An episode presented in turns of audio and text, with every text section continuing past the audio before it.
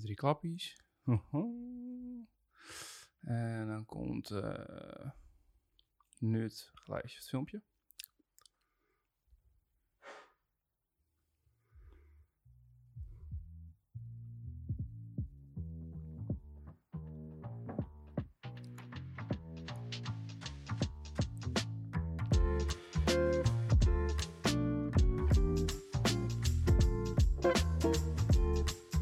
Toch leuk om eh, zo een beetje tegenover elkaar te zitten. Ja, ehm, dus zo zitten we niet vaak in ieder geval. Nee, nou ja, niet, zien met, een, niet met een microfoon ervoor. Precies. We zien elkaar vaak genoeg de laatste tijd. Maar dit is nieuw. Hoe is ie?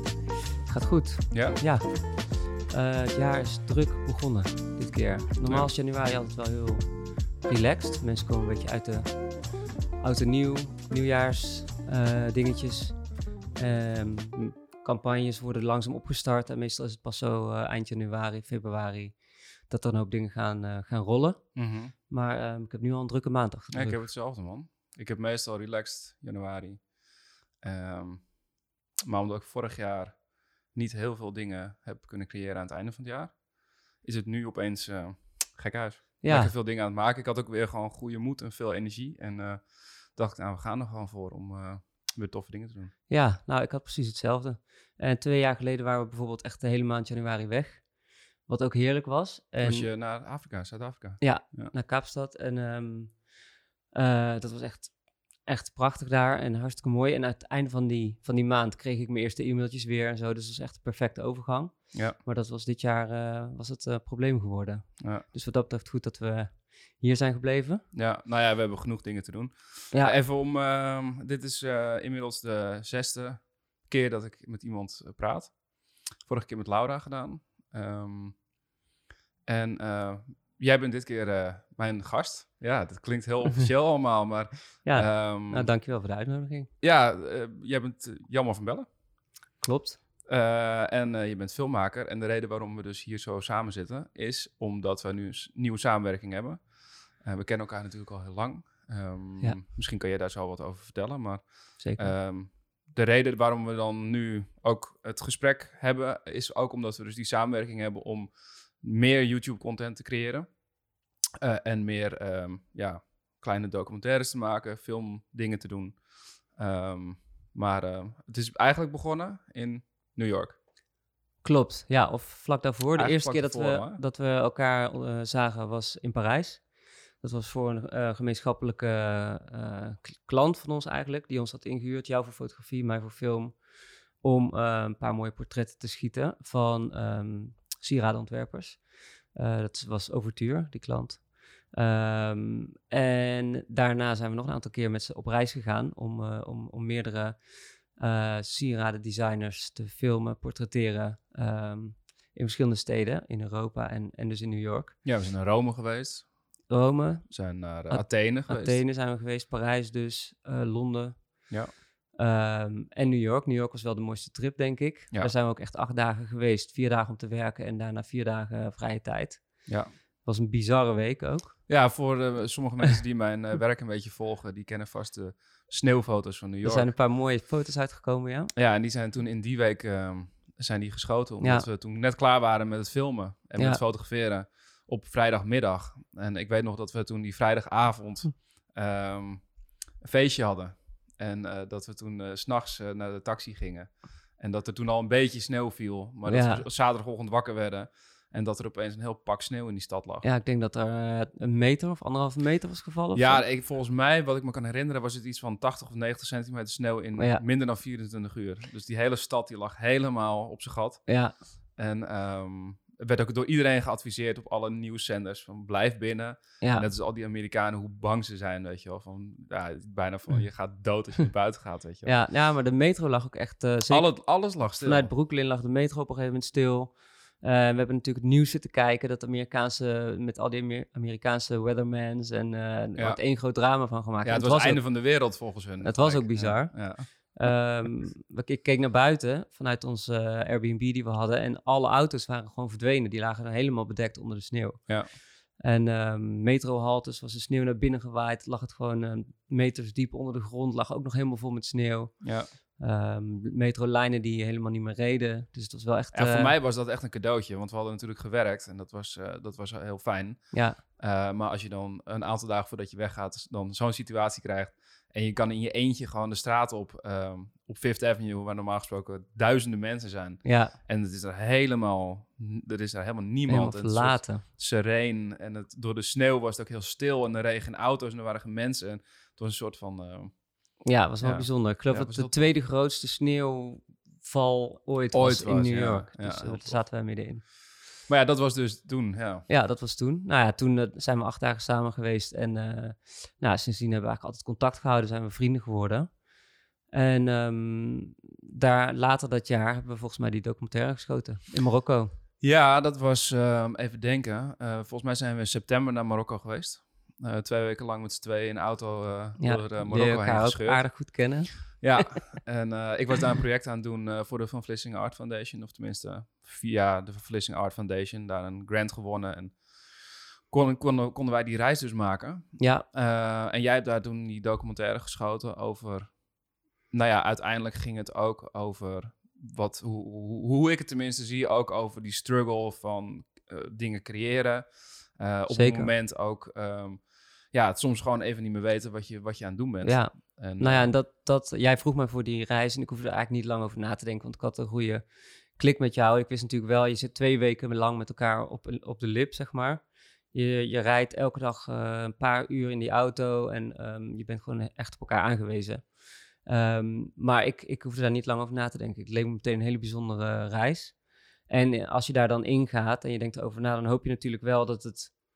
Ja, als documentairemaker hoop je dat het niet allemaal van een leien dakje gaat eigenlijk. stiekem. Nee, want anders is Want het dan krijg je, een hele, saai, saai, krijg je een hele saaie film. Dan ehm, wordt het gewoon één, één succesverhaal zonder, zonder pijnpuntjes. En ehm, goed, als- ja, dat, dat gebeurde dus in die zin ook wel. Er waren Ja. momenten dat je, en dat is, dat is weer denk ik wat jij bedoelt, eh, wat iedere creatief misschien wel ehm, meemaakt, of zeker wel meemaakt, is dat je af en toe even twijfelt over je werk, of dat je af en toe even vastloopt, of dat je, ehm, dat je een obstakel moet overwinnen om tot iets te komen. En, en dat zit ook wel in de film. Ja. En ik denk dat het inderdaad dat wel mooi, mooi heeft vastgelegd, Mhm. hoe, hoe zo'n creatief proces werkt. En dat, je, en dat je de ene dag het helemaal niet ziet zitten, en de volgende dag beland je in een situatie waar je in één keer een paar hele mooie dingen kan, kan schieten. En dan, en, dan, en dan kom je daaruit en dan ben je weer helemaal happy. En dan ben je weer Ja. on top of the world. Ja. En dan, dan heb je dat Hoe vertrouwen. snel dat kan gaan. Dat kan heel snel gaan. Ja, ook omdat je natuurlijk... ehm, ehm, ja, als ik voor mezelf spreek, ik ben natuurlijk aan het fotograferen en ik zit dan zo in zo'n moment ja. dat ik dan eh, niet de hele tijd achter op mijn schermpje ga zitten kijken. Dus je bent niet... Je, je denkt wel dat je toffe dingen aan het maken bent, maar je weet het niet helemaal zeker. Nee, En dan zit je dan vervolgens de hele dag ook nog in de auto. Ja, en dan over begin je na te te denken. malen. En dan denk je, ja, is dit wel tof? Eh, zijn we nu wel de dingen aan het doen die we zouden moeten doen? Ehm, eh, pakken we het wel goed aan en zo? precies. Ehm, en dan uiteindelijk kom je in, in je... Wij sliepen dan in, eh, in Riyadh. Dus de, geen hotels, maar eigenlijk bij mensen thuis. Een soort van Ja. een soort bed and breakfast. Ja, En ehm, dan had je dan voor het eerst de mogelijkheid om je dingen op je laptop te zetten en te gaan kijken. En dat heb je volgens mij ook een aantal keren goed gefilmd. Dat we dan op het moment dan, dat, dat die beelden dan naar voren kwamen, dat je dan toch zoiets hebt van ja, het is toch wel gelukt, weet je wel. ja, Eh, ja. de dingen die, waarvan ik echt zeker wist dat ze niet lukten, ehm, was dat ik gewoon een aantal beelden in mijn hoofd had. En dat lukte gewoon niet. Hè? Jonge Ja. mensen op straat aanspreken, sowieso mensen op straat aanspreken. Want was we, we hadden een soort van extra uitdaging voor onszelf gecreëerd. Want het was niet alleen ik met een hele grote camera die dan mensen ging vragen van... Can I take your portrait? Uh, maar ook nog eens een keer jij die vijf meter achter me liep. Ook weer met een grote een camera. nog die, grotere om, dat, camera. ja, om allemaal te filmen, weet je wel.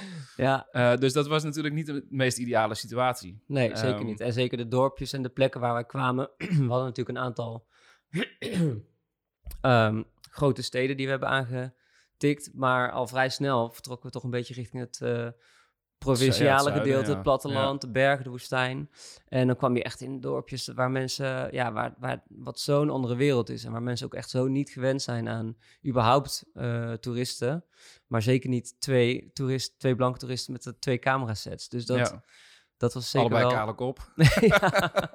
Lekker, Ja. eh, ja, dus dat was zeker wel een uitdaging. ja. Ja, en dat, dat bleek ook wel. En het mooie was dan ook wel weer dat het moment, want in die steden was het natuurlijk ook hartstikke druk. En weet je van gekheid niet waar je moet kijken en hoe je...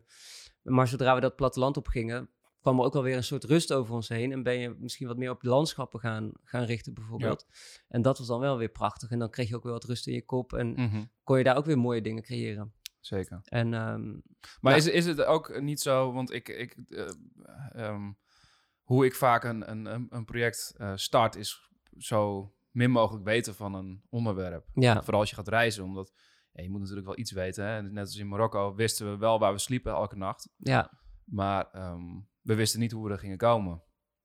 Dus gewoon met een auto op, op pad en van A naar B. Maar ondertussen, ja, gewoon alle mogelijke eh, zijweggetjes ook gewoon inslaan en kijken wat daar is. ja, Ehm, dus het was een soort van blanco een ding ingaan. Maar had jij, dat had jij dus eigenlijk ook. Want je zegt net, je, je hoopt eigenlijk dat er iets gebeurt, of iets fout gaat, of iets gebeurt waardoor de documentaire interessanter wordt. tuurlijk, ja. Dus dan heb je eigenlijk van tevoren ook niet echt een idee gehad van nou, eh, eigenlijk gingen we met dezelfde mindset daarin van we zien wel wat er gebeurt, toch? Ja, ja, zeker. Maar dat voor, zeker voor documentaire, eh, documentaire film, hè, in die zin.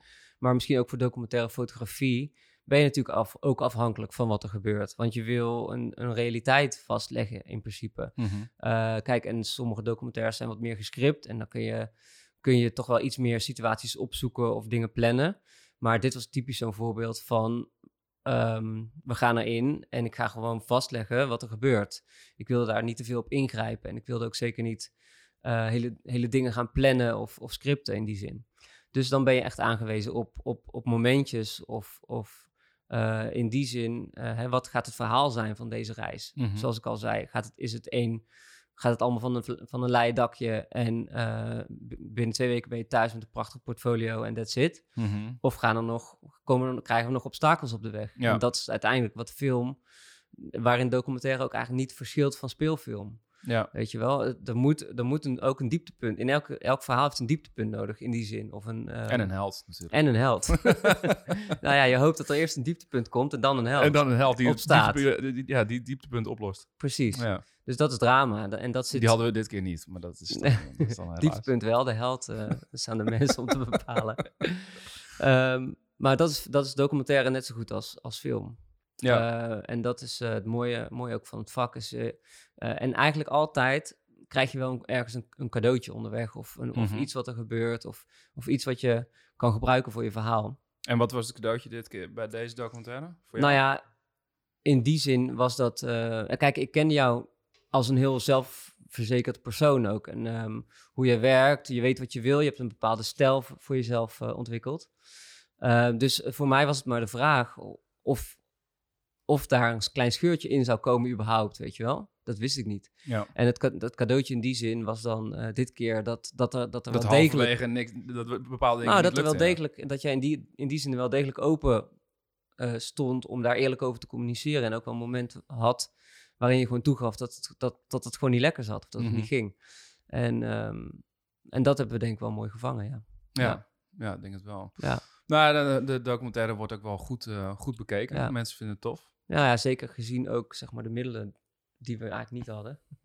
Dus het is voor heel, Ja. in die zin, weinig geld eh, eh, gemaakt. En heel erg, eh, ik heb het allemaal zelf gefilmd en geëdit. Ja. Ehm, en dan ben je ook gewoon beperkt in die zin en doe je het met wat je hebt. Mhm. Eh, en daar, eh, zeker op die manier, vind ik zeker dat het eh, iets moois is geworden, ja. Mooi Misschien, had- misschien hadden we nog een iets spannendere auto kunnen huren. Dat wel, ja. Het was een beetje een Ja. auto, maar ja dat is het enige als ik hem nu terugkijk dat ik denk... Ja, dat is jammer eigenlijk. we hadden eigenlijk wel een iets stoerdere auto kunnen ja, kunnen en daar had ik ook eigenlijk helemaal niet over nagedacht in die zin. Nee. Maar hij kwam natuurlijk best wel vaak in beeld. En het was echt Ja. gewoon witte, witte Witte bestelbus. Een wat was het, een Renault Kangoo Ja, zo? zoiets, ja. Ja. Cactus, of weet ik veel. Ja. Ja, dus dat, wat, dat, eh, voor de volgende keer eh, gaan we dat anders doen. ja.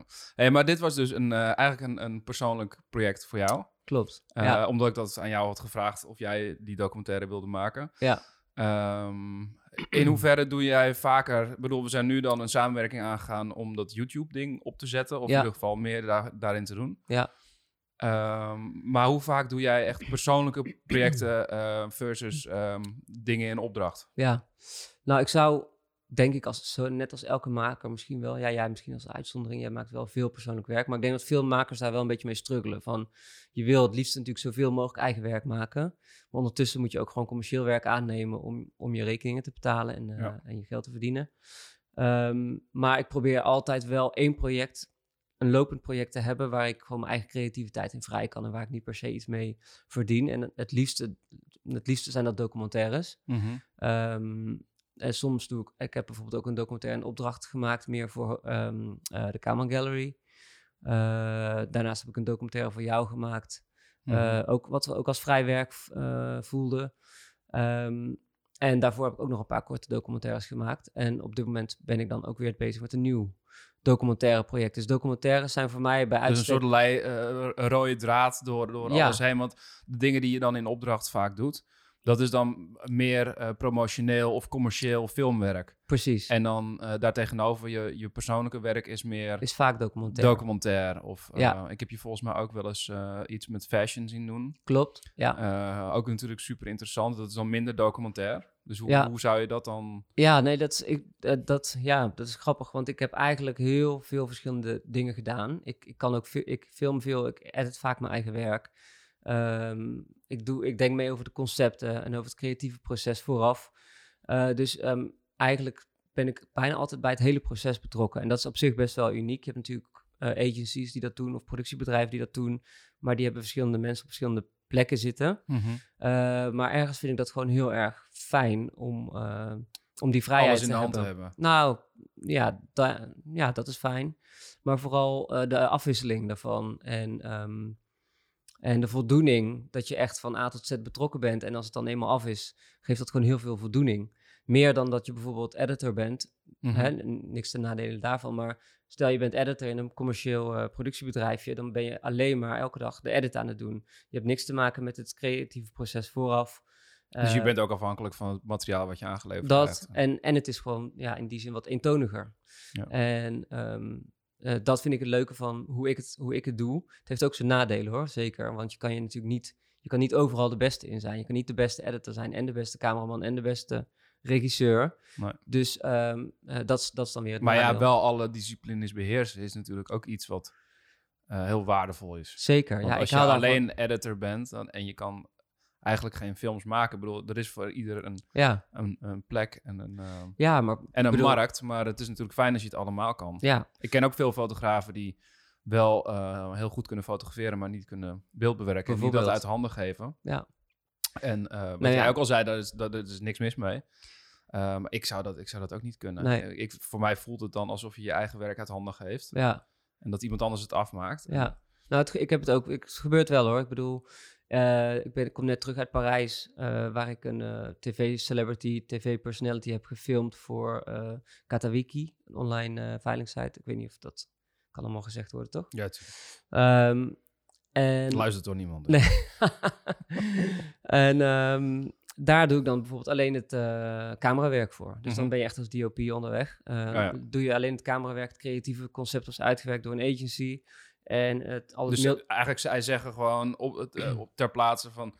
Deze shot willen we, dit Ja. shot willen we. dit hebben we nodig, dit, dit- hebben we nodig. Eh, we hebben een, eh, En- een, een, een Insta-teaser nodig met een swipe-up. We hebben een, weet je wel, dat, zijn, dat wordt allemaal opgedeeld in blokjes. Dus je krijgt gewoon een shotlist en daarin... Ja, En zij. En in hoeverre ben jij dan nog wel eh, de creatieve persoon dat je ook nog dingen kan toevoegen naar eigen nou, dat, smaak? Of is dat helemaal dan helemaal gescript gewoon? Nou, dat, dat wordt wel heel erg. Het is een behoorlijk grote productie, dus er zit ook veel eh, geld in die productie. Dus het is allemaal helemaal best wel dicht getimmerd. Ook met de, met de klant, want die wil, heeft gewoon bepaalde verwachtingen. Ja. Er moeten bepaalde dingen opgeleverd worden. Dus dat zit wel aardig, dat is wel aardig uitgewerkt. Maar op de set zelf, dan eh, als DOP bepaal je natuurlijk het frame. Hè, je bepaalt, je bent, het licht doe ik dan ook met mijn assistent.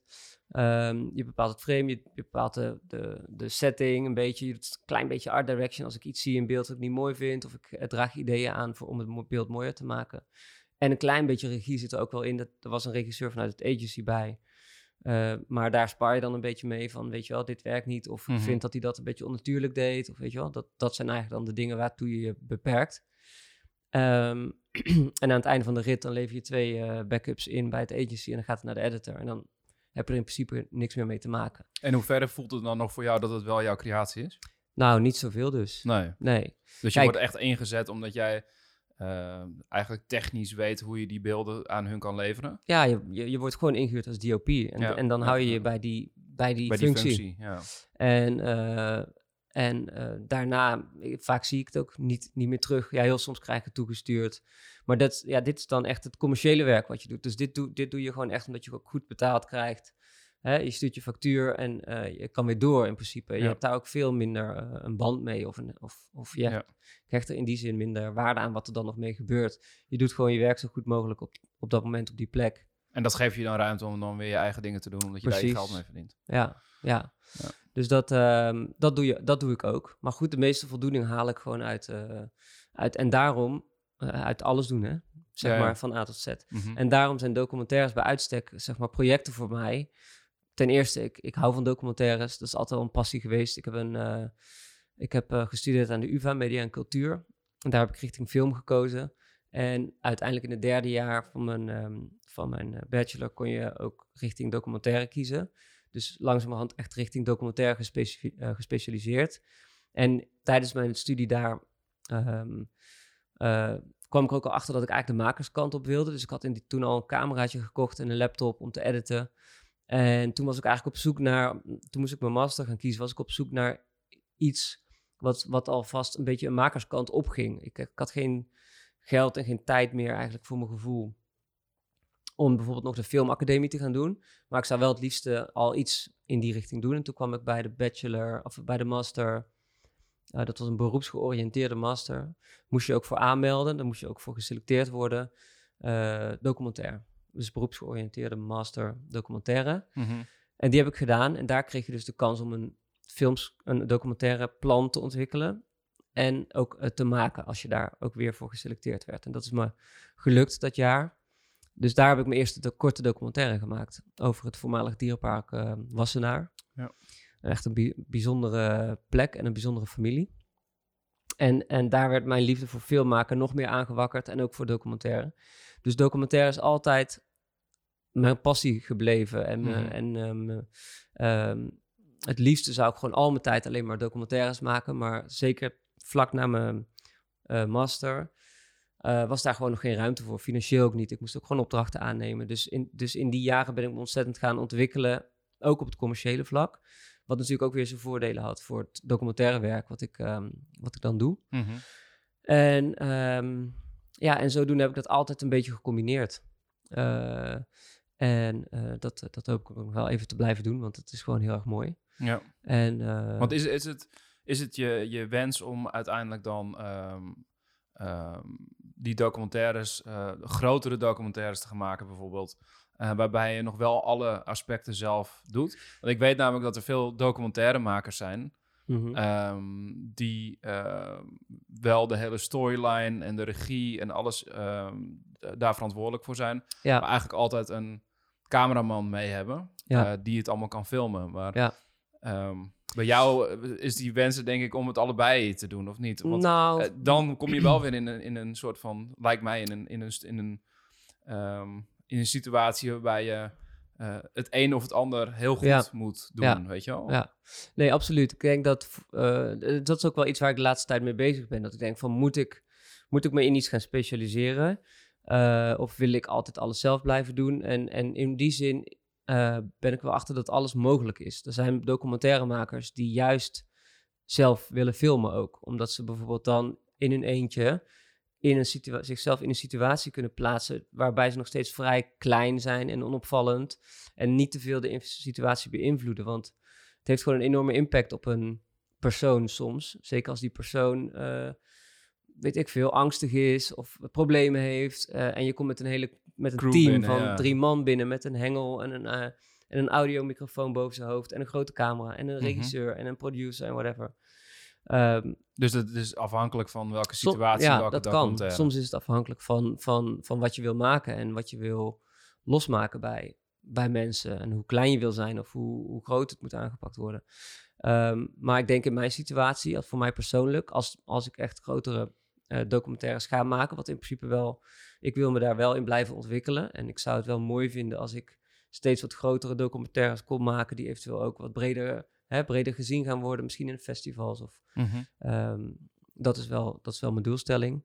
Eh, maar goed, heel veel documentairemakers doen daarnaast ook nog steeds commercieel werk. Ja, Als omdat documentaire, want dat, dat, dat was mijn volgende vraag. Ja, Wat, wat, is het, wat is het voor verdienmodel bij een documentaire? Want ja, dat is best wel lastig. ik kan me dat voorstellen dat het, er, is, er is geen opdrachtgever, het is een persoonlijk project. Ja, Als ik een persoonlijk project doe, dan, heb ik eh, de, nou ja, dan ben ik in de situatie dat ik mijn prints kan verkopen. ja, Eh, maar jij kan niet, eh, jij gaat geen dvd's van je documentaires verkopen. nee, dat, nee. is, dat is niet, denk ik, hoe dat gaat. Maar nee.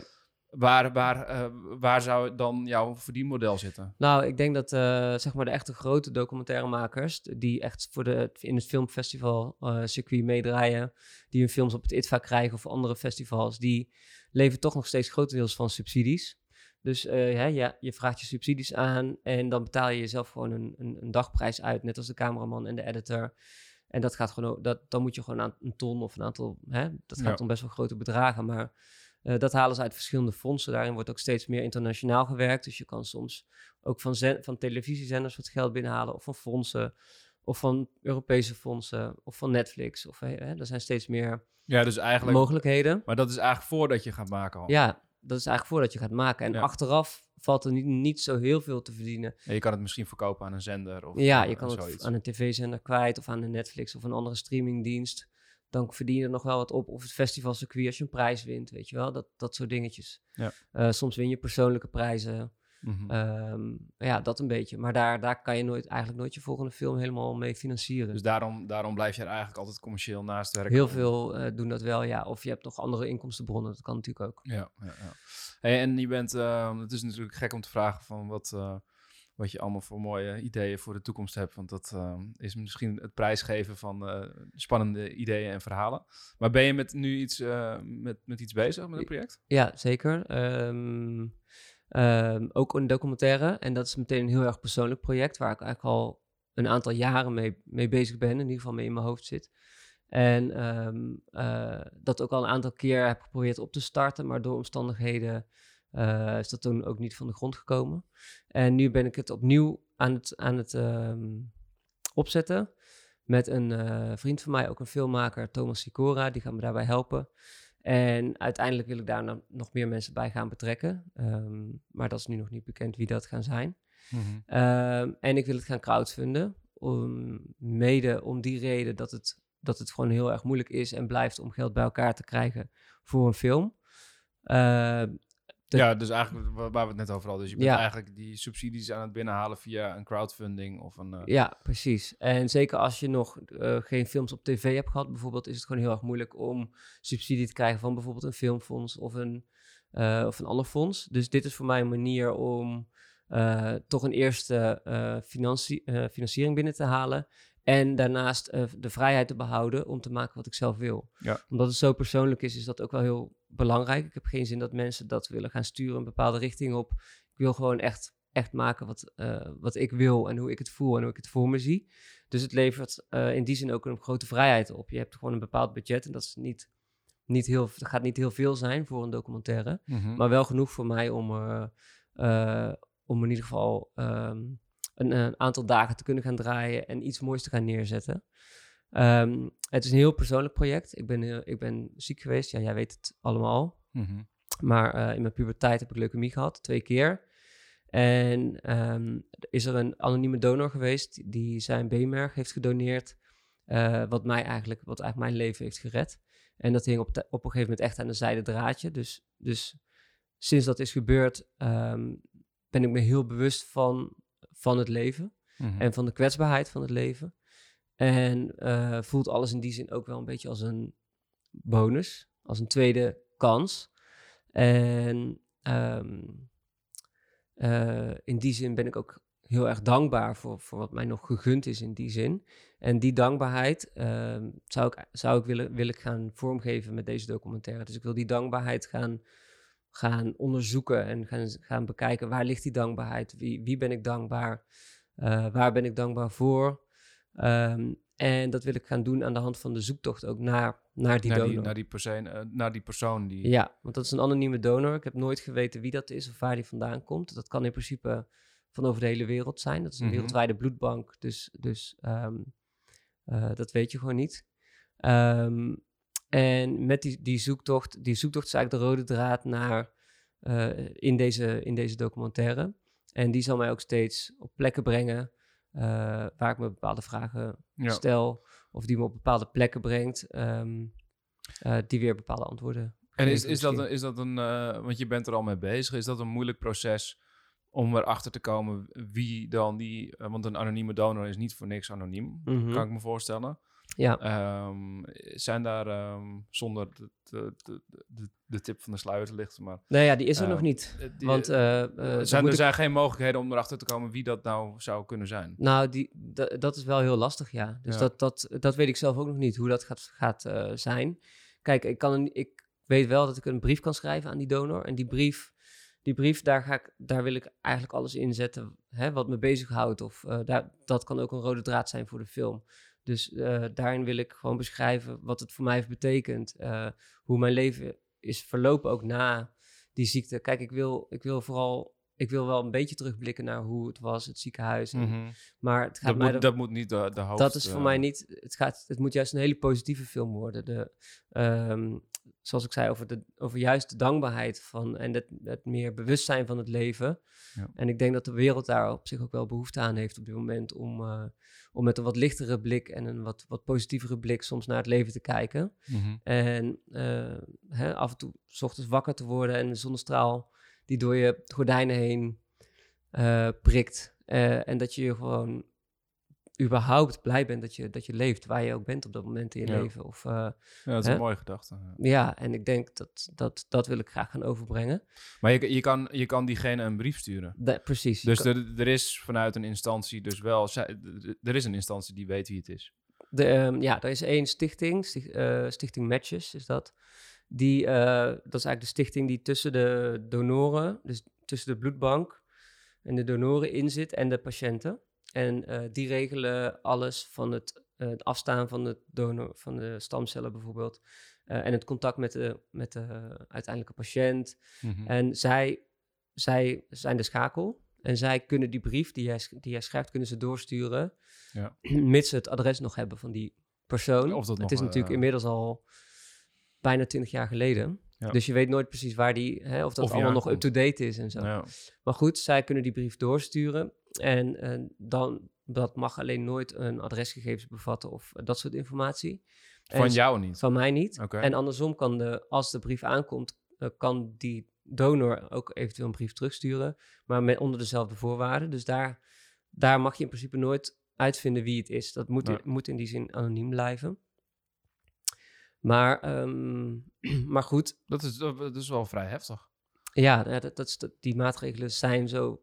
Is, dat- is dat zo, zo ge- geworden? Ja, Of is dat, is dat, was dat toen ook al op dat moment? dat was toen ook al zo. Het heeft helemaal met privacy te Het heeft maken. met privacy te maken, maar ook met de, gevoeligheid van, van de onderwerp. Het gaat natuurlijk over leven en dood. En Ja. eh, het kan bijvoorbeeld soms voorkomen dat een donor één keer heeft, eh beenmerg heeft afgestaan. Of tegenwoordig noemen ze het stamcel, stamceltransplantaties. Eh, en dat de patiënt bijvoorbeeld na een jaar opnieuw eh, stamcellen nodig heeft. Maar dat de donor dan zegt van ja, sorry, ja, ik, ik, ik wil het niet meer doen. Ja, ja en dat, dat je dan niet bekend Ja. is van elkaar dat wie dat maar is. dat kan Ja. natuurlijk voor de patiënt betekenen dat er, geen, dat er helemaal geen donor meer te vinden is, bijvoorbeeld. Ja. Eh, en dan kan je situaties krijgen waarbij ze de, diegene gaan benaderen of onder druk gaan zetten. Ja, of, hè? Nee, maar ik kan me voorstellen dat als Dus je in, in dat- zo'n situatie helemaal twintig jaar nadat het gebeurd is... ehm, en eh, als zou jij een brief sturen met in dit verhaal... dan kan hij alsnog beslissen om anoniem te blijven. Ja, Maar eh, het is gek dat er niet een mogelijkheid bestaat voor hem... om dan uit die anonimiteit te treden... om Ja. mee te werken bijvoorbeeld aan Ja. jouw documentaire. Of ja, hoe dat dus precies allemaal zit, dat, dat weet ik ook nog, nog niet. Daar heb ik me ook nog niet heel erg in dat is verdiept. ook een zoektocht nog. Precies. Ja. En eh, daar, dat zijn we nu aan het researchen en plannen voor aan het schrijven. En dat gaan we gewoon allemaal ook meemaken. Ja. Ehm, en dat is wel het mooie van, van, deze, van dit project. Is dat enerzijds is het een, is het een zoektocht en met een onbekende afloop. Eh, anderzijds is het een, een reis voor mij om ook een, dingen af te sluiten. Ehm, het, is een, het, is een, het wordt, voor mij wordt het een verhaal van dankbaarheid en van... ehm, en wat ik ook wil overbrengen op, op de kijkers. Eh, En ik hoop dat mensen daardoor ook geïnspireerd raken om uh, natuurlijk donor te worden zelf. En om, omdat ze kunnen zien van wat, wat, wat je teweeg kan brengen. Of hè, teweeg kan brengen is misschien niet wat je, wat je kan betekenen voor iemand. Hè? Dat je letterlijk iemands leven kan redden. Ja. En als ze dan zien wat dat voor mij heeft gedaan, dan is dat wel iets heel moois. En dan denk ik dat veel mensen zullen denken, het is namelijk een hele kleine moeite. Mhm. Je moet wat wijnslijm, uh, wangslijmvlies afstaan. Dat gaat in een database. En vervolgens ben je gewoon, zit je in die database. Dus kunnen mensen gaan kijken van, ben jij een eventueel een, Ja. link? En de kans dat je überhaupt iets hoeft te doneren is volgens mij maar 1 op 1000 of zo. Dus, dus het, het, het, het gaat er voornamelijk om dat die databank gewoon zo groot mogelijk is. Want dan Ja. kunnen ze zo... Dan is er een zo groot mogelijk percentage mensen die geholpen worden. exact, Ja. ja. Hey, en word jij dan, eh, want het is een, voor jou een heel persoonlijk project als filmmaker, maar vooral ook als mens, zeker. als, als, als het onderwerp. ja, het is ook. zo super persoonlijk. Ik vind het ook eigenlijk doods... Ik vind, eng wel. hartstikke eng. Of Maar is ja. het, eh, want ja, dat, Spannend. dat, dat, dat kan ik me heel goed voorstellen, maar ook omdat je nu ook weer eigenlijk ehm, twee petten op hebt, namelijk die van filmmaker, ja, maar ook van onderwerp als persoon. Ja. Ehm, ben je altijd achter de camera of ga je ook als onderwerp, als, als, Ja. als het onderwerp van de documentaire, ook in beeld zijn? ja, daar zal ik niet aan ontkomen, denk ik. Nee. Daarom heb ik ook iemand al bij betrokken, of in een vroeg stadium, om, eh, om, omdat, ik, omdat er sowieso momenten gaan komen dat ik in gesprek ben met iemand, of iemand ontmoet, of eh, iets wil weten, eh, dat ik ook het onderwerp ben van de film. Ja. En ehm, kijk, ik, eh, het, het gebeurt vaker hoor. Er zijn veel documentairemakers die bijvoorbeeld wel regie doen, maar ook het onderwerp zijn van de film. En hoe ik die rol precies ga invullen, moet ik, moet ik nog Ook weer Gaan on- zien. on- ontdekkingstocht. ja, nou ja, Ja. dat gaan we van tevoren wel een beetje bespreken. Maar Mhm. Thomas kan ook goed filmen. Eh, dus eh, als er gefilmd moet worden, eh, kan hij de camera nemen. En hij kan ook regie- co-regie doen. Dus dat wordt een beetje een flexibele, flexibele setting. En Ja. misschien dat er nog meer mensen bij betrokken gaan worden... die ook kunnen filmen of bepaalde delen van de film kunnen doen. Research dingen. Research Ja. dingen, editing, dan, want dat is wel een dingetje, daar hadden we het net al over. Denk voor bepaalde projecten, ehm, ook voor documentaires, is het, het is best wel lastig om je eigen materiaal te editen. Mhm. Zeker voor documentaires, als je zo'n erg Erin op zit. daarin zit en op het verhaal zit en alles wat jij hebt gefilmd, is ook, heb, heb je een soort van persoonlijke band mee. En sommige dingen vind jij gewoon heel erg mooi of heel, eh, heb je een soort van, ja, een soort van connectie mee of een Het is- band. ja, het is super lastig om daar afstand van te kunnen Precies. doen, omdat je soms zelf dat niet inziet. Ja, en dat is, een de- dat de is ook kill, een bekend, darlings. Bekend fenomeen, Ja. inderdaad. En, eh, ehm, en dat kan een enorme worsteling zijn ook, eh, waar je dan soms in cirkeltjes zit te denken en je komt er maar niet uit. En voor dit project heb ik al eh, van tevoren al besloten dat ik dit absoluut niet zelf wil editen. Ook niet omdat ik de hele tijd naar mezelf wil zitten te kijken. En dat, dat is gewoon niet, niet Nee. de manier om het te doen. Nee, nee, dat Dus voor dit project gaan we, gaan we sowieso een editor erbij zoeken. Ja. Ehm, en dat is ook wel, dat geeft me ook wel een soort van gerust gevoel. Dat ik weet van oké, weet je, je, kan me, je mag me filmen en ik, ik, we gaan dit verhaal in. Eh, maar daarna wil ik het echt absoluut gewoon afgeven. Ja. En, en dan wil ik iemand anders... En maar dan wel natuurlijk in verschillende fases erbij zijn. Als het- Zeker, want jij bent uiteindelijk degene die daar het, tuurlijk. En ik kan, het kan- oordeel over geeft. Ja, en dan kan je wel aangeven waar je het zwaartepunt wil hebben van de film. Of hè, hè, dat Ja. je iets meer zoekt in Toch een bepaalde scène. weer, toch? Zeker, ja. En als regisseur zit je dan vaak wel af en toe bij de edit. Of je gaat eerste versies kijken en dat soort dingen. En dan geef Ja. je feedback. Hey, en als je nou eh, eh, kijkt naar een, een soort tijdsspan van... je bent er nu eh, meer in een soort... heb je al dingen gefilmd of niet? We hebben al wat dingetjes gefilmd. We moeten natuurlijk voor de crowdfund-campagne moeten we ook al een videootje een online hebben. Ja. ja. Ik ben met mijn broertjes naar Frankrijk geweest en met Thomas. Omdat mijn twee broertjes ehm, gewoon heel dicht bij me staan. Ehm, eh, we hebben een hele goede band. En ik had zo'n idee van, kijk, de film voor een deel... En dat is misschien moeilijk om kort uit te leggen, maar ik zal een poging doen. Kijk, die, die ziekte heeft mij compleet veranderd. Omdat het zo'n aanslag was op mijn lichaam. Fysiek, mentaal ook natuurlijk, maar vooral ook fysiek. Ik was altijd heel ehm, fanatiek aan het honkballen. En dat, dat kon gewoon van de een op de andere, nou niet van de een op de andere dag, maar dat kon ik daarna niet, helemaal niet meer. Ik moest echt letterlijk weer leren lopen. Ehm, ik was heel veel afgevallen natuurlijk. En heel, je hele fijne motoriek was, was eigenlijk kapot. Mhm. Eh, dus dat is een enorm herstelproces. En je, daardoor ben je een hele hoop dingen verloren. En eh, voor mij persoonlijk ben ik ook een beetje die connectie verloren met die fitte, gewoon frisse, gezonde jongen die ik was voordat ik ziek werd.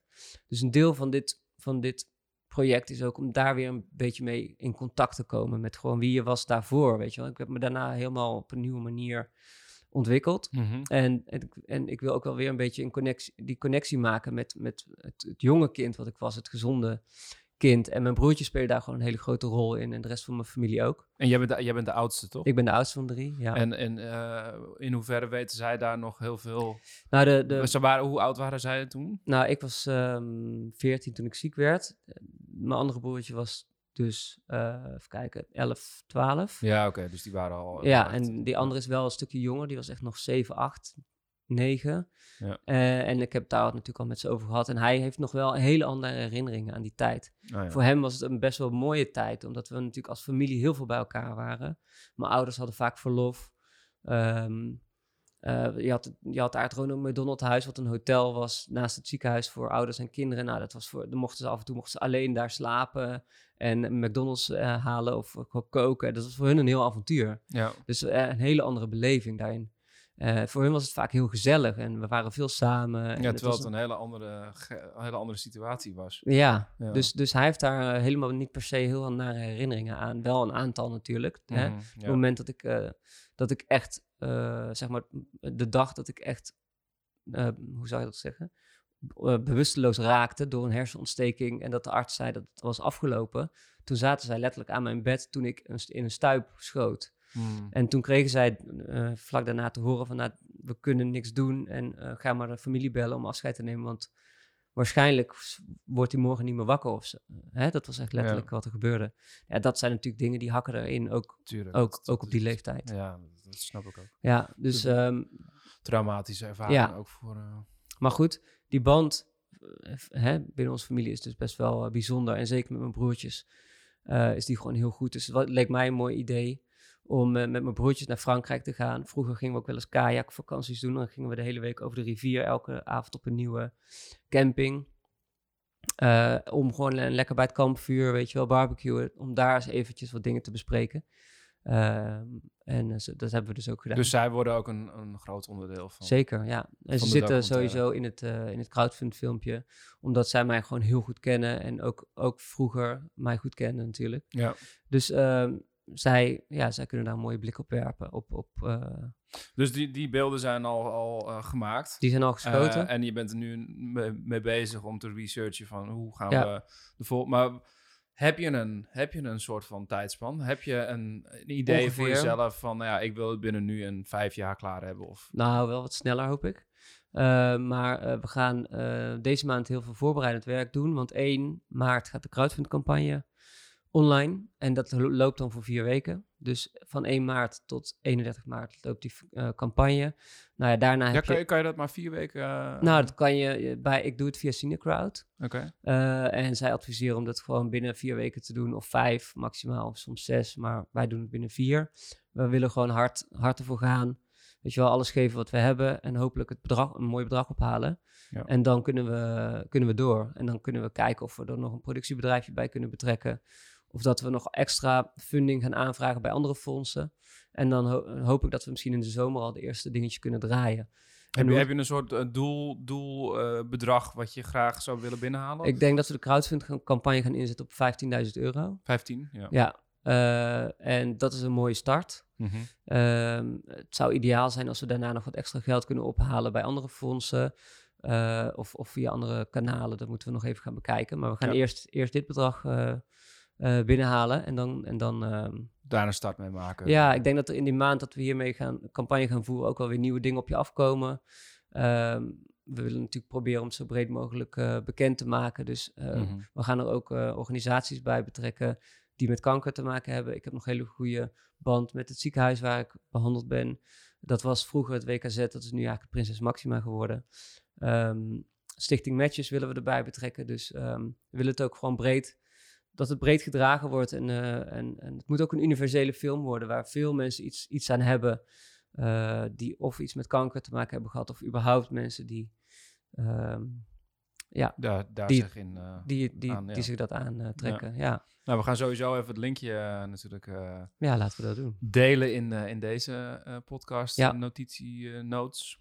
Ehm, mooi, prachtig Ja. project. Ja, En ja. ik denk dat het, dat het een indrukwekkende documentaire wordt. En, Ja. maar wat, wat, want ehm, vijf jaar is te veel. ja, nee, ik wil, ik bedoel, het zou mooi... Twee jaar, drie jaar. Nou, twee jaar zeker wel, ja. Ja. ja. Kijk, ik, eh, ik hoop dat als de financiering rond is, dan wil ik het gewoon eh, ook snel gaan draaien. Mhm. En eh, misschien dat het wel in een jaar kan, misschien anderhalf, dat moeten we gaan, gaan kijken. Ja, dat is maar eh, even afhankelijk van ook, hoe Ja, het, en eh, ook hoe het allemaal loopt. En, eh, Ja. ja. ja, hoeveel medewerking er verleend wordt. Ja, en of ik diegene bijvoorbeeld snel kan vinden of niet. En eh, hoe, ja, dat zijn allemaal eh, onzekere factoren nog. Ja, Maar anderhalf jaar zou mooi zijn. prachtig. Ja, Mooi project. Nou, en wij zijn ook mooie projecten aan het doen. absoluut. Om daar een brugje in te slaan. ja, nee, zeker. Ehm, wij, eh, nou, ik was al een tijd, tijd geleden op zoek naar iemand eh, die mij kon helpen om eh, meer te filmen. Want wat ik eigenlijk de afgelopen twee jaar gedaan heb, is heel veel dingen zelf filmen. Dus als ik aan het fotograferen was, dan gaf ik bijvoorbeeld een assistent een camera of ehm, iemand die daar was, of ik deed het zelf een beetje om een soort behind-the-scenes dingen te filmen. En ik denk, ja, dat, dat is tof. En ik mis het zelf op, op YouTube. Ehm, een, een, een kanaal of een plek waar je meer een soort ehm, kwalitatief goede behind-the-scenes dingen hebt, maar ook een soort van diepere laag vindt waarin misschien wat vragen worden gesteld of hoe dingen worden uitgelegd, hoe andere ehm, fotografen hun, hun proces is bijvoorbeeld. Ja, Ehm, en ik merkte al snel dat het zelf filmen en zelf fotograferen gewoon lastig is. ja nee, tuurlijk. Toen heb ik een oproepje gedaan van, nou ja, weet je, eh, wie kan mij helpen? En helemaal niet over nagedacht dat wij dat ook zouden kunnen doen. Ja. Dus dat jij dat oproepje las Ja, eh, en ik jouw bericht kreeg, dacht ik, ja, dat, dat, dat is natuurlijk vanzelfsprekend dat we dat moeten doen. ja, ja, nee, tuurlijk. Ja, nee, ik zag dat oproepje inderdaad. En ik dacht, nou ja, wij zijn goede vrienden. Ik weet, ik ken jouw werk, weet je wel. Ehm, en het, ik vind het, ik ben filmmaker, dus fotografie is sowieso een onderwerp wat mij, wat mij ook ligt, wat mij interesseert. En ehm, ik zag een mooie mogelijkheid om, om, om een bepaalde esthetiek neer te zetten. Hè? Dat, je hebt een, natuurlijk een hele mooie esthetiek. Het is heel verzorgd. Eh, het is heel. ehm, er wordt de tijd genomen. Dat vind ik ook heel erg mooi. Dus ook onze video's, daar hebben we het ook over gehad, mogen gewoon best wel wat langer duren. Eh, er is natuurlijk heel veel flitsend, flitsend video, YouTube-materiaal. Alles gaat super snel. Alles is ja, hip. dat was juist niet de bedoeling. Alles is hip en met effectjes en dingen. En ik, ik dacht van, nou, dit kan een mooie mogelijkheid zijn voor ons om deels, hè, we kunnen natuurlijk deels een hele mooie esthetiek uitwerken en deels een documentaire gevoel aangeven en dingen ook echt, ehm, bepaalde on- onderwerpen ook echt als een mini-documentaires gaan uitlichten.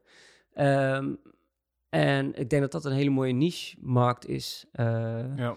eh, binnen, binnen YouTube. En, eh, Ja, want we- wat, we, wat we gaan doen is we gaan een soort van afwisseling maken tussen wat kortere filmpjes, wat ehm, gewoon fijn, fijn kijken is. ja, Uh, we hebben er net eentje opgenomen, bijvoorbeeld uh, Five Minute Portrait. Uh, waarbij het onderwerp eigenlijk zo was dat je, som, je niet altijd uh, uren de tijd hebt om iemand te fotograferen. En um, waar ik van weg wil blijven is een soort tutorials maken. ja. Want dat, dat is niet wat, ik- wat, ik, wat, ik, wat ik doe. Weet je wel, ik ben geen leraar. Ik ben niet iemand die zegt hoe je dingen moet doen. Maar ik kan wel laten zien hoe ik dingen doe. Om daar mensen een soort van idee um, uh, door te laten krijgen. ja. Uh, en dan kan je eruit pikken wat je wil, maar ik ga niet stap voor stap uitleggen hoe ik dingen doe, weet je wel. Nee, nee, het moet allemaal wel een beetje, en dat begreep ik ook wel snel. Het moet, moet wel gewoon esthetisch blijven. Ja. En ook een beetje um, in die zin uh, ruimte laten voor eigen interpretatie en invulling. Mm -hmm. En, um, ja, vandaar die 5-minute portrait. Van, dat was een mooi onderwerp om een model in vijf minuten te foto uh, fotograferen. Ja. Uh, met het idee van, ja, weet je, soms voor een opdracht, uh, of al wil jij een, iemand bekend fotograferen, dan krijg je soms maar een paar minuten. Ja. En hoe pak je dat dan aan, weet je wel? Ja. Een soort van een paar kleine tips van, ja, probeer zoveel mogelijk te doen. En uh, nou, dat, dat hebben we laatst gefilmd. We hebben een studiotour hebben we gefilmd. Ja. Dat was uh, iets wat, uh, wat ik sowieso heel erg van uh, iedereen die mij volgt op social media kreeg, te horen kreeg van, nou, we willen heel graag een keer zien hoe je studio eruit ziet. Hè? Ja. Je krijgt natuurlijk wel hier en daar een soort van uh, glimp van, van de studio, maar niet uitgebreid en niet heel mooi gefilmd. Ja. Dus die hebben we gedaan. Ja, wat nog meer? Uh, we hebben behind the scenes gefilmd met, met Rabia. Ja. En het hele team. Staat ook op de planning. Staat ook binnenkort op de planning. Eh, en we hebben daarnaast wat, eh, wat onderwerpen opgeschreven ehm, eh, die we gaan proberen uit te werken. Waaronder eentje het hele proces van ehm, het maken van het werk. Naar het printen en selecteren van het werk. Naar het inlijsten. En uiteindelijk van het inlijsten naar ergens hangen. Dus op een beurs of op een tentoonstelling. Of wellicht bij iemand die het werk gekocht heeft. Ja. En hoe dat hele proces ehm, eigenlijk tot stand komt. En ook de mensen, de, de vakmensen die ehm, mij daarbij helpen. Dus het printlab die die prachtige prints maakt. Ja, Eh, de lijstenmaker die, die het allemaal inlijst. En vervolgens de gallery die, eh, die het tentoonstelt. ja, En ja, hoe dat proces dan verloopt. En misschien hun ook een beetje aan het woord laten van wat hun, voor hun de essentie van die onderdelen is. ja, Precies. Ehm, waardoor je net even meer informatie krijgt over hoe dat nou precies verloopt. In plaats van dat je alleen maar een behind the scenes ziet. En vervolgens ergens een foto ziet dat het op een tentoonstelling hangt. ja. Ja, en dat was meteen het leuke ook, wat ik, wat ik, eh, wat ik voor me zag toen ik die film oproep. Ik moest er natuurlijk even over nadenken. Ik zag die film oproep. Ik dacht, nou ja, als ik naar mezelf kijk, zou ik dat eigenlijk best wel heel leuk vinden om met Bastiaan te gaan doen. Omdat ik ook al die mogelijkheden zag en omdat ik ook dacht, ehm, ik werk natuurlijk best wel een tijdje ook met jou en ik krijg best wel van vrienden of, of, of mijn omgeving soms te horen van hoe, hoe, hoe werkt dat nou in die kunstwereld, weet je wel? Voor veel mensen zijn, zijn er toch nog wel veel vragen over. Het is een, het is een apart wereldje in die zin, eh, met een bepaalde eigen dynamiek en eh, het kan ook wel een gesloten wereldje zijn, van de wereld van de beurzen en, eh, en er hangt een bepaalde ja, artistiek, artisticiteit omheen en een bepaalde misschien ook wel mystiek of zo. En ik, ik dacht meteen van hoe mooi zou het zijn als we daar op een, op een eh, wat meer eh, diepgaande manier wat, wat mooie, mooie content over kunnen maken. Ja. Dus ik zag meteen wel hele mooie mogelijkheden. En, eh, en toen we daarvoor gingen zitten, zag ik, merkte ik ook dat jij er ook op die manier naar keek. Ja, het moet een, een mix zijn tussen wat informatief. Ja, maar vooral ook naar eh, ehm, ja, c- cinematisch. Ja. Dus het moet er gewoon ook gewoon heel mooi uitzien. ja, Eh, en het moet ook ehm, dat gevoel eh, van kwaliteit hebben. ja, Eh, wat ik in mijn werk probeer te stoppen en wat jij in je werk probeert te stoppen, dat moet er ook echt uitkomen. En dat was nou precies iets wat als ik op YouTube ehm, eh, dingen probeer op te zoeken, dat ik dat nou niet vind. Want ja, mensen kunnen prima heel mooi allemaal dingen filmen, maar dan is het vaak of niet informatief of niet op de onderwerpen waarop ik zoek, weet je wel. ja, ja, Eh, dus dan ga je toch weer, net als dat je bij Instagram hebt, soort van zitten scrollen en dan dingen aantikken. ja, In plaats van dat je heel gericht misschien een kanaal kan volgen. Waarvan je weet, hey, deze ehm, guy gaat alleen maar over eh, hoe het in de, in de fine art fotografiewereld gaat, weet je wel. ja, En dat is iets ehm, wat ik in ieder geval nog niet gevonden heb. ja, Dus nou, dat is een beetje hetzelfde als deze podcast. ja, En laten we het dan maar zelf doen. Ja. En ehm, is ook wel gek en ook wel spannend. Wat jij ook al zei over, over je eigen project. eh, heb ik natuurlijk ook, want ik wil dit graag maken, maar on- ontkom je er ook niet aan om mezelf in beeld. in beeld te komen. Ja. En ehm, dat is nou niet iets wat heel eh, natuurlijk eh, in mij zit, maar wat ik wel, waarvan ik wel vind van, nou ja, hoe vaker je dit gaat doen, hoe makkelijker het voor je wordt en hoe makkelijker je ook naar jezelf gaat kijken en Ja. daarin beter wordt, weet je wel. En ehm, ja, ik, ik, ik vind altijd dat je dingen niet uit de weg moet gaan omdat je ze niet kan. Dan moet je ze juist gaan doen om ze te leren, weet je. Ja, ja, En ehm, het zal in het begin misschien wat, eh, wat wennen zijn. Hè? Ja. Dat wij dit introductiefilmpje het opnemen waren ook. Ja, dat, dat, dat gaat heel vaak fout. En dat is eh, super lachen ook. ja, Uh, maar daardoor leer je het wel, weet je wel. En, Ja. um, ook omdat we het in het Engels doen. We willen graag een breder publiek daarmee aanspreken, weet je wel. En uh, je kan het wel in het Nederlands doen, maar niet helemaal... We zitten al best wel in een niche. Je het dan ook nog in het Nederlands gaat doen, dan, um, ja, dan uh, bereik je gewoon weinig mensen. dan heb je een heel klein publiek. Ja, Dus, um, en de meeste Nederlanders spreken toch wel Engels. Dus, uh, toch? ja zeker, zeker. En wat zijn jouw... Uh, uh, we hebben daar wel kort over gehad, maar jouw doelen uiteindelijk met dit um, YouTube-kanaal? Of wat zou je, hoe zou je het liefst voor je, voor je zien? Waar wil je nou ja, ik ben gewoon iemand die heel graag creëert, weet je wel. En naast het hele uh, het vele werk wat ik maak, um, merk ik gewoon dat ik in een omgeving ben um, wat zich gewoon perfect leent om, uh, ja, ook om te filmen en om meer daaromheen te bouwen, weet je wel. Je bent als, uh, je bent tegenwoordig niet alleen fotograaf, maar je bent ook je eigen, um, je eigen naam, je eigen brand, weet je wel. Dus, ja. En je hebt alle mogelijkheden in de wereld om dat te uiten. Je hebt geen reclamebureaus meer nodig. Ehm, dus je, je kan op elke mogelijke manier kan je daar eh, op inspelen. En als je dat dus op een hele hoge kwaliteit doet. ehm, en voor mij, ja, weet je, voor mij, ik mis dat. Ik zie dat, dat gat in die markt, tenminste, hè, op YouTube dan. Ja, Ehm, ja, tenzij ik niet goed zoek, dat kan natuurlijk ook. Maar ja, ja. dan, dan, zie dan is het voor mij een soort van 1 plus 1, weet je wel. Ik heb de mogelijkheden, ik heb de, si- de situaties en ik creëer die situaties ook. ja. Ja, waarom niet, weet je wel. En het is, ehm, ja, in heel, vaak wordt het in Nederland dan nog heel terughoudend gedaan. Eh, als je in Amerika kijkt, is het de normaalste zaak van de wereld om je zo, om je zo te uiten. ja. En in Nederland wordt er dan toch nog wel vaak eh, ja, daar wat terughoudend op, eh, op gekeken. Ja. Ehm, en gezegd van ja, waarom zou je dat zelf doen? En waarom, dat is toch helemaal niet jouw rol? Weet je wel? Dan denk je, ja, wat een onzin. Want ik, je kan het toch gewoon gaan doen. Waarom zou het niet mijn rol zijn om dat te doen? Nou ja, als je gewoon, eh, ik denk dat als jij als fotograaf bepaalde vragen hebt of bepaalde dingen wil ontdekken of bepaalde dingen wil delen met, met mensen die jou volgen bijvoorbeeld, dan is video toch een prachtig medium daarvoor. En ja, je- zeker. Nou ja, ik weet dat, dat sommige mensen zeggen... ja, weet je, je moet als rol van fotograaf... en als rol als kunstenaar die, die, die rol behouden... Ja. en andere mensen dan die content om jou heen laten creëren... en dat niet zelf in die rol... nou, ik ben het daar niet mee eens. Ik denk van ja, als je zelf in die situatie zit... ehm, dan, eh, en, en je hebt de drive en de passie om het zelf te gaan maken... Ja, Eh, en daarbij leer je ook nog eens een keer filmen. eh, hè, want dat is eigenlijk hoe, hoe, ik, hoe ik bij het hele filmmaken terecht ben gekomen. ja, Omdat het iets is, dat buiten de content die we maken, zou ik ook graag ehm, een, een deel van jouw kant op willen. Niet per se documentaire, maar wel misschien fashionfilm of wel misschien ja, iets meer gaan filmen, weet je wel. Het is voor mij een soort van het grote doel zou zijn om mijn foto's uiteindelijk te, te kunnen laten bewegen. ja, Hè? Als, je die, als je die link kan vinden, dus dat jouw jouw beeld uiteindelijk beweegt, als je diezelfde handtekening hebt in je film als in je, in je fotografie, ja, wat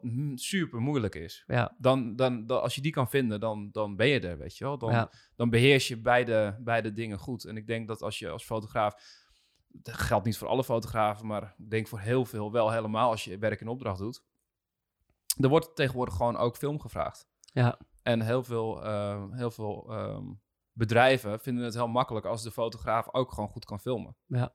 Dus ja, waarom zou je dat dan niet Ja. op die manier ook leren, weet je wel? ja, precies. Dat zijn, dat zijn er gewoon een heleboel goede redenen om, eh, om het te doen. Ja. En ehm, daarnaast denk ik ook gewoon dat, ehm, dat jij gewoon op veel interessante plekken komt. En zoals ik eerder al zei, hè, mensen in mijn omgeving die hebben toch altijd wel heel veel vragen over die wereld.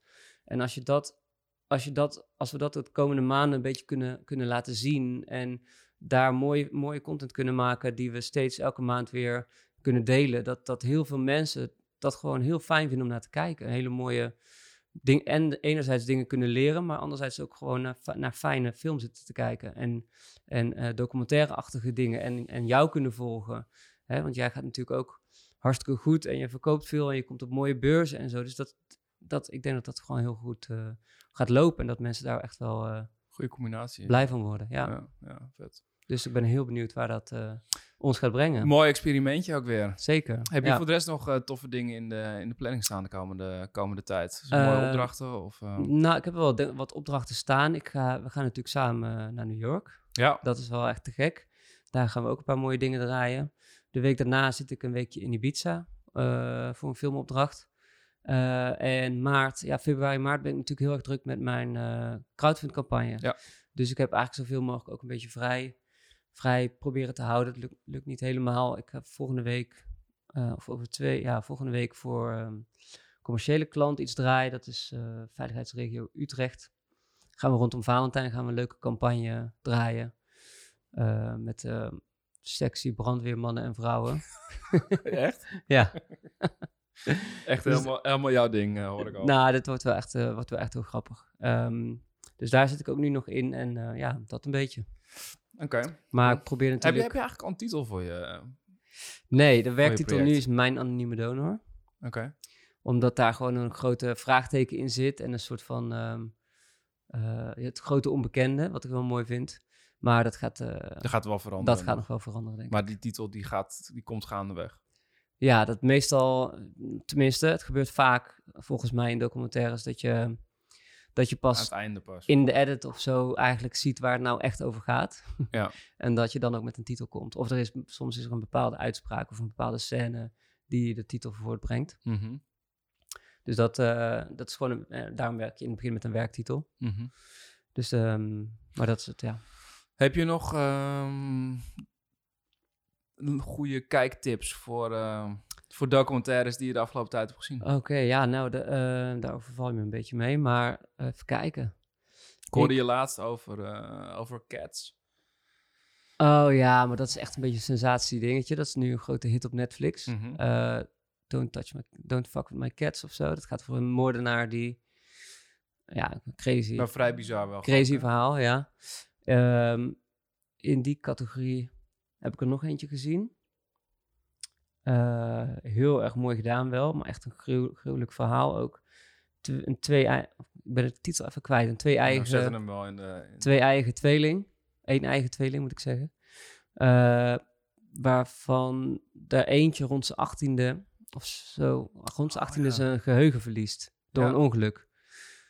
Ze, horen tot de Britse aris- aristocratie. Ze wonen in een bizar groot eh, landhuis, kasteelachtig ding, maar een beetje grimmig. En hij verliest dus zijn geheugen en vervolgens ehm, heeft hij, herkent hij ook niemand meer. Zijn moeder niet, zijn vader niet. Alleen zijn, zijn een eigen tweelingbroer herkent hij meteen als zijn broer zijnde. Dus vanaf dat moment is dat zijn enige aanknopingspunt in de wereld.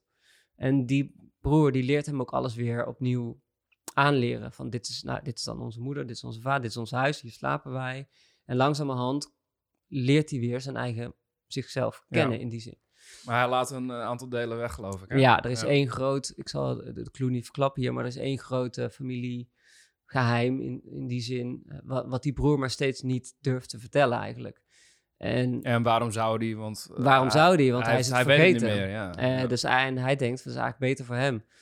Eh, dus goed, zo ont, ont- ontspint zich een, een bizar verhaal. Maar het hele, fei- hele feit dat, dat hij zijn geheugen kwijt is geraakt... en die hele, die hele situatie is, is gewoon symbolisch ook zo sterk... en zo, zo, Ja. zo krachtig en thematisch. Dat, eh, ja, waanzinnige, waanzinnige film. Is dat, is dat eigenlijk iets wat... ehm, ehm, hoe, hoe, hoe werkt dat? Want ik, ik kan me voorstellen, als jij documentairemaker bent... Ja, dat je een verhaal moet tegenkomen, toch? Soms, ja, zeker. Want het is lastig om een verhaal te verzinnen. Ja. Want je wil iets vastleggen wat gebeurt. Ja, Eh, en je wil, als je het niet wil stagen, dan moet je dat dus moet je eigenlijk achter een verhaal komen. Ja, nou ja, precies. Nou, je hebt natuurlijk heel veel soorten verhalen. Je hebt duizenden soorten verhalen.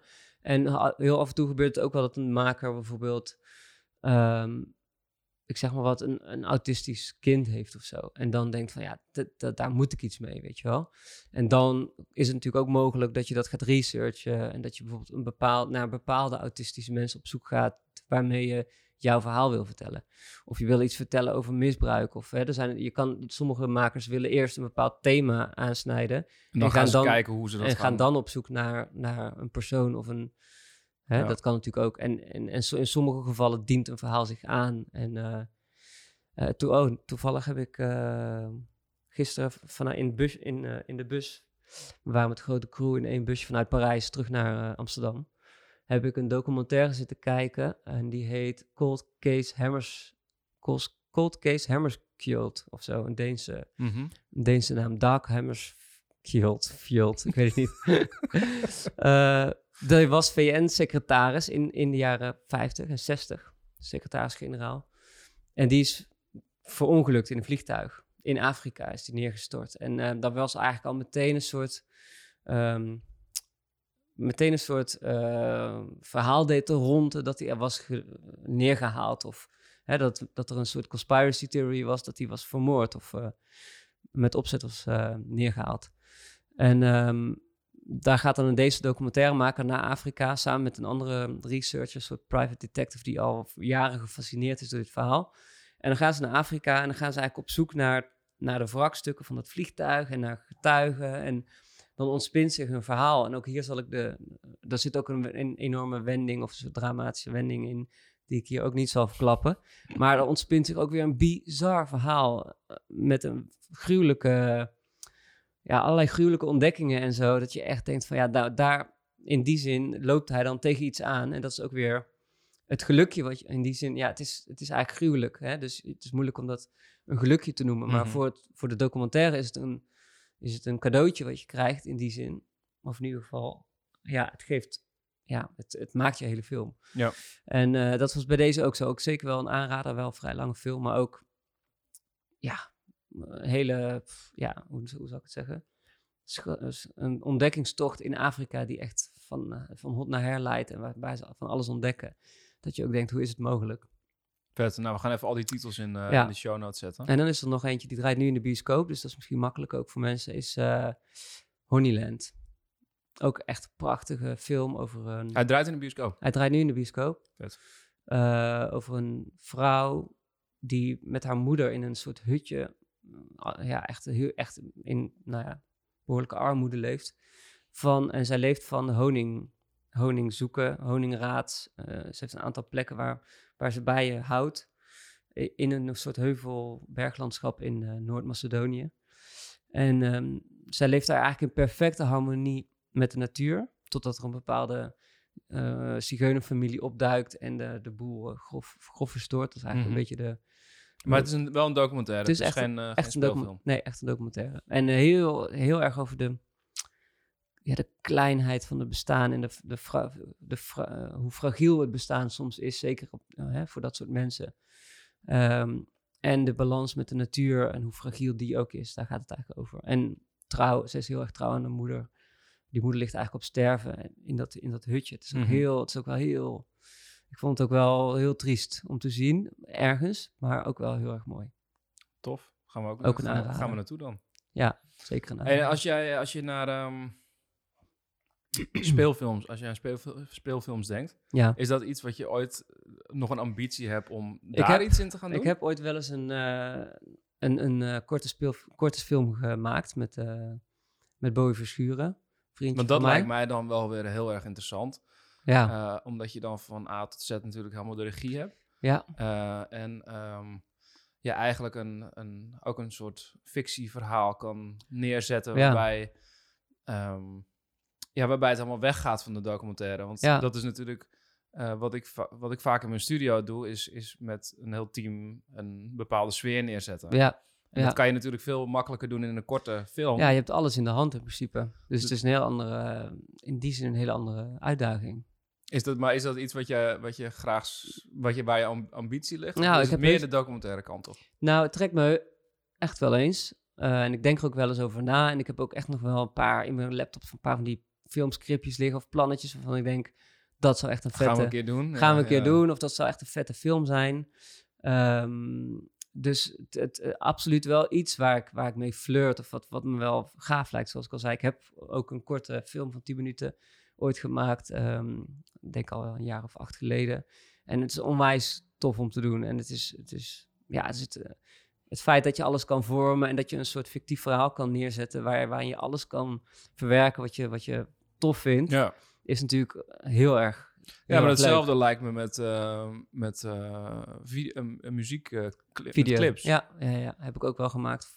Lang geleden niet. echt. Lijkt me heel tof, omdat je, je zit dan wel in, in een bepaald opzicht vast aan de vibe en aan de muziek Ja. natuurlijk. Nou ja, het is natuurlijk Maar je- videoclips maken is enorm lekker, want je hebt die muziek om, Ja. je, om je film te stuwen, zeg maar. Om je, Je weet de lengte, je, weet, eh, je weet welke vibe het heeft, je weet wat, wat de onderwerpen zijn vaak. Maar alleen de- hoe je het dan... Ja. Dat, dus dat lijkt me ook wel heel interessant. ja, om, eh, is ook zeker heel erg leuk. En in die zin, alles met film vind ik, vind ik te gek. Maar voor, voor nu ligt mijn focus wel vooral op documentaire. En ik hou wel heel erg van die echtheid juist van, van, eh, eh, van documentaire. En ehm, eh, ja, de waarheid in die zin, of de realiteit is toch altijd wel iets, toch iets zwaarder of iets sterker. Kijk, je kan een hele, kijk, een, een fictiefilm kan me ook onwijs raken. En ik ga ook heel veel naar films. Ik hou van, ik, ik ga ja, regelmatig naar de bioscoop. Ik hou van films kijken. Maar een echte documentaire, ik weet niet, die, die ruwheid daarvan, die realiteit, dat, dat, ja, dat, dat en trekt- ook het feit dat je, dat je naar iets zit te kijken wat, wat gebeurd is. ja, wat echt is. Ja, dan, wat een dat, echt verhaal heeft. ja, dat, dat is toch, toch, een andere lading, toch? Ja, ergens wel. En eh, ik denk dat dat gewoon van persoon, van, van persoon tot persoon verschilt. Maar dat, dat, dat ligt mij gewoon eh, dichter, dichter er bij mij, denk ik. Ja. Ja. Cool. Hey, wij gaan eh, naar New York. Ja, Want mijn werk hangt op Paris Photo New York. Ja, Om het niet al te ingewikkeld te maken, hebben ze Paris Photo voor de naam geplakt. ja, ja, Ehm, maar wat een echt een waanzinnige beurs gaat worden, denk ik. ja. En eh, ik heb jou meegevraagd om daar ook weer eh, te gaan filmen. En we gaan daar ook eh, nog andere content schieten. Zeker, ja. En we zijn er geloof ik nog niet helemaal over uit wat we dan precies gaan doen. Nee. Dus als er hier mensen luisteren en denken van... hey, dat is vet, ehm, laat het even weten. Ja, ja, we zijn er vijf dagen, denk ik. Ja, we zijn er van 1 tot en met 6 april. Geloof ik komen we 1 aan en we vliegen 6 weer terug. Ja, En we hadden wel het idee om sowieso met een model eh, ergens in een hele toffe studio te gaan, eh, te gaan schieten. Eh, maar eigenlijk zoeken we nog naar een, nou ja, een tof idee om, om misschien Ja. buiten te gaan doen. ja. Dus dat gaan we doen. Wat, wat hebben we nog meer op de planning staan? Ehm, ja, we, hebben, we willen die mini-documentaire gaan, eh, of die mini-docus Ja. gaan doen over het maakproces van A tot Z van een kunstfoto. Ehm, eh, ja, dat zijn op de korte termijn een beetje de, de Ja, dingen we waar hebben we wel hier en daar wat, eh, wat kleine filmpjes nog tussendoor. Ja. En we gaan ehm, natuurlijk, ik heb altijd gezegd, ik ga één- één keer in de twee jaar een groot project doen. Ik ben nu Ja. net met Nepal bezig. Voordat we begonnen te praten was ik al eh, prints aan het draaien. Omdat het ehm, eruit ziet dat het project in ieder geval klaar is. Ja. Dus het is nu een kwestie van eh, het printproces. Selecteren. ehm, nou ja, wat we allemaal ooit nog een keer gaan laten zien. Ja, Ehm, maar dat betekende dus dat dit jaar eh, geen grote projecten op de planning stonden. Maar volgend jaar waarschijnlijk wel weer. ja, en dan zullen we vast ook weer met z'n twee op pad gaan. ja, Denk dat, ik. eh, ja, dat is, dat Net is als. Marokko. Ja. Dus dat lijkt mij heel tof om te doen. Ja, een soort eh, ja, nieuwe, gewoon een nieuw mooie project van maken. Nieuwe vibe. Ja, misschien, eh, alles weer een stukje beter natuurlijk. ja, en misschien dan ook eh, kijken of we ehm, in plaats van een documentaire kunnen maken over hoe ik dat werk maak, kunnen we misschien eh, het, het project filmen. Zoals dat ik het fotografeer, dat we het op die manier kunnen filmen. Weet je wel. Er zijn natuurlijk heel veel Ja, mogelijkheden om daarover over na te denken. Ja, ja dus er komt van alles, eh, allerlei mooie dingen aan. Ja. ja erg leuk. Cool. Ehm, thanks. Ja, Voor nou, vandaag? Jij bedankt. En eh, ik zou zeggen, naar iedereen die geluisterd heeft, eh, check even het linkje sowieso voor jouw crowdfunding. Gaat eh, 1 maart, hè? 1 maart gaat hij online. Ja, dus ik heb nog nu nog niet echt een linkje, maar eh, nee, maar die, die stoppen... eh, die tegen die stoppen, tijd eh, kan je het... eh, Ja, die stoppen we gewoon bij... eh, vanaf 1 maart stop ik die in, de- in deze show notes. Ja, En je kan sowieso even uh, Jelmer van Bellen, Instagram en .nl. .nl, ja. jelmervanbellen.nl. Eh, en ehm, nou ja, mocht je dit gehoord hebben en denken van... hey, ehm, ik weet een... een ehm, ik weet iets over, eh, over voor jouw documentaire. Ik kan je helpen met iets. eh, kan je ook altijd even een mailtje sturen natuurlijk. Graag, ja, nee, zeker. Zeker voor dit project, alle hulp, alle hulp is welkom, weet je wel. Eh, zelfs een keertje koffie drinken of ehm, verhalen aanhoren. Ik wil juist graag dat dit gewoon breed, breed gedragen wordt. Dus in die zin een film ook voor iedereen die er iets mee heeft. Dus Ja. ja, Ja, dan kunnen ze je sowieso even een berichtje sturen. eh, zij het via socials of via e-mail. Of Ja, eh, even komt. googlen, dan vind je, vind je jammer wel. komt wel goed. Ehm, thanks, Ja, was leuk. Thanks. Ehm, nou ja, we zien elkaar, we zien elkaar snel. Ja, goedjes. Later. Doei doei.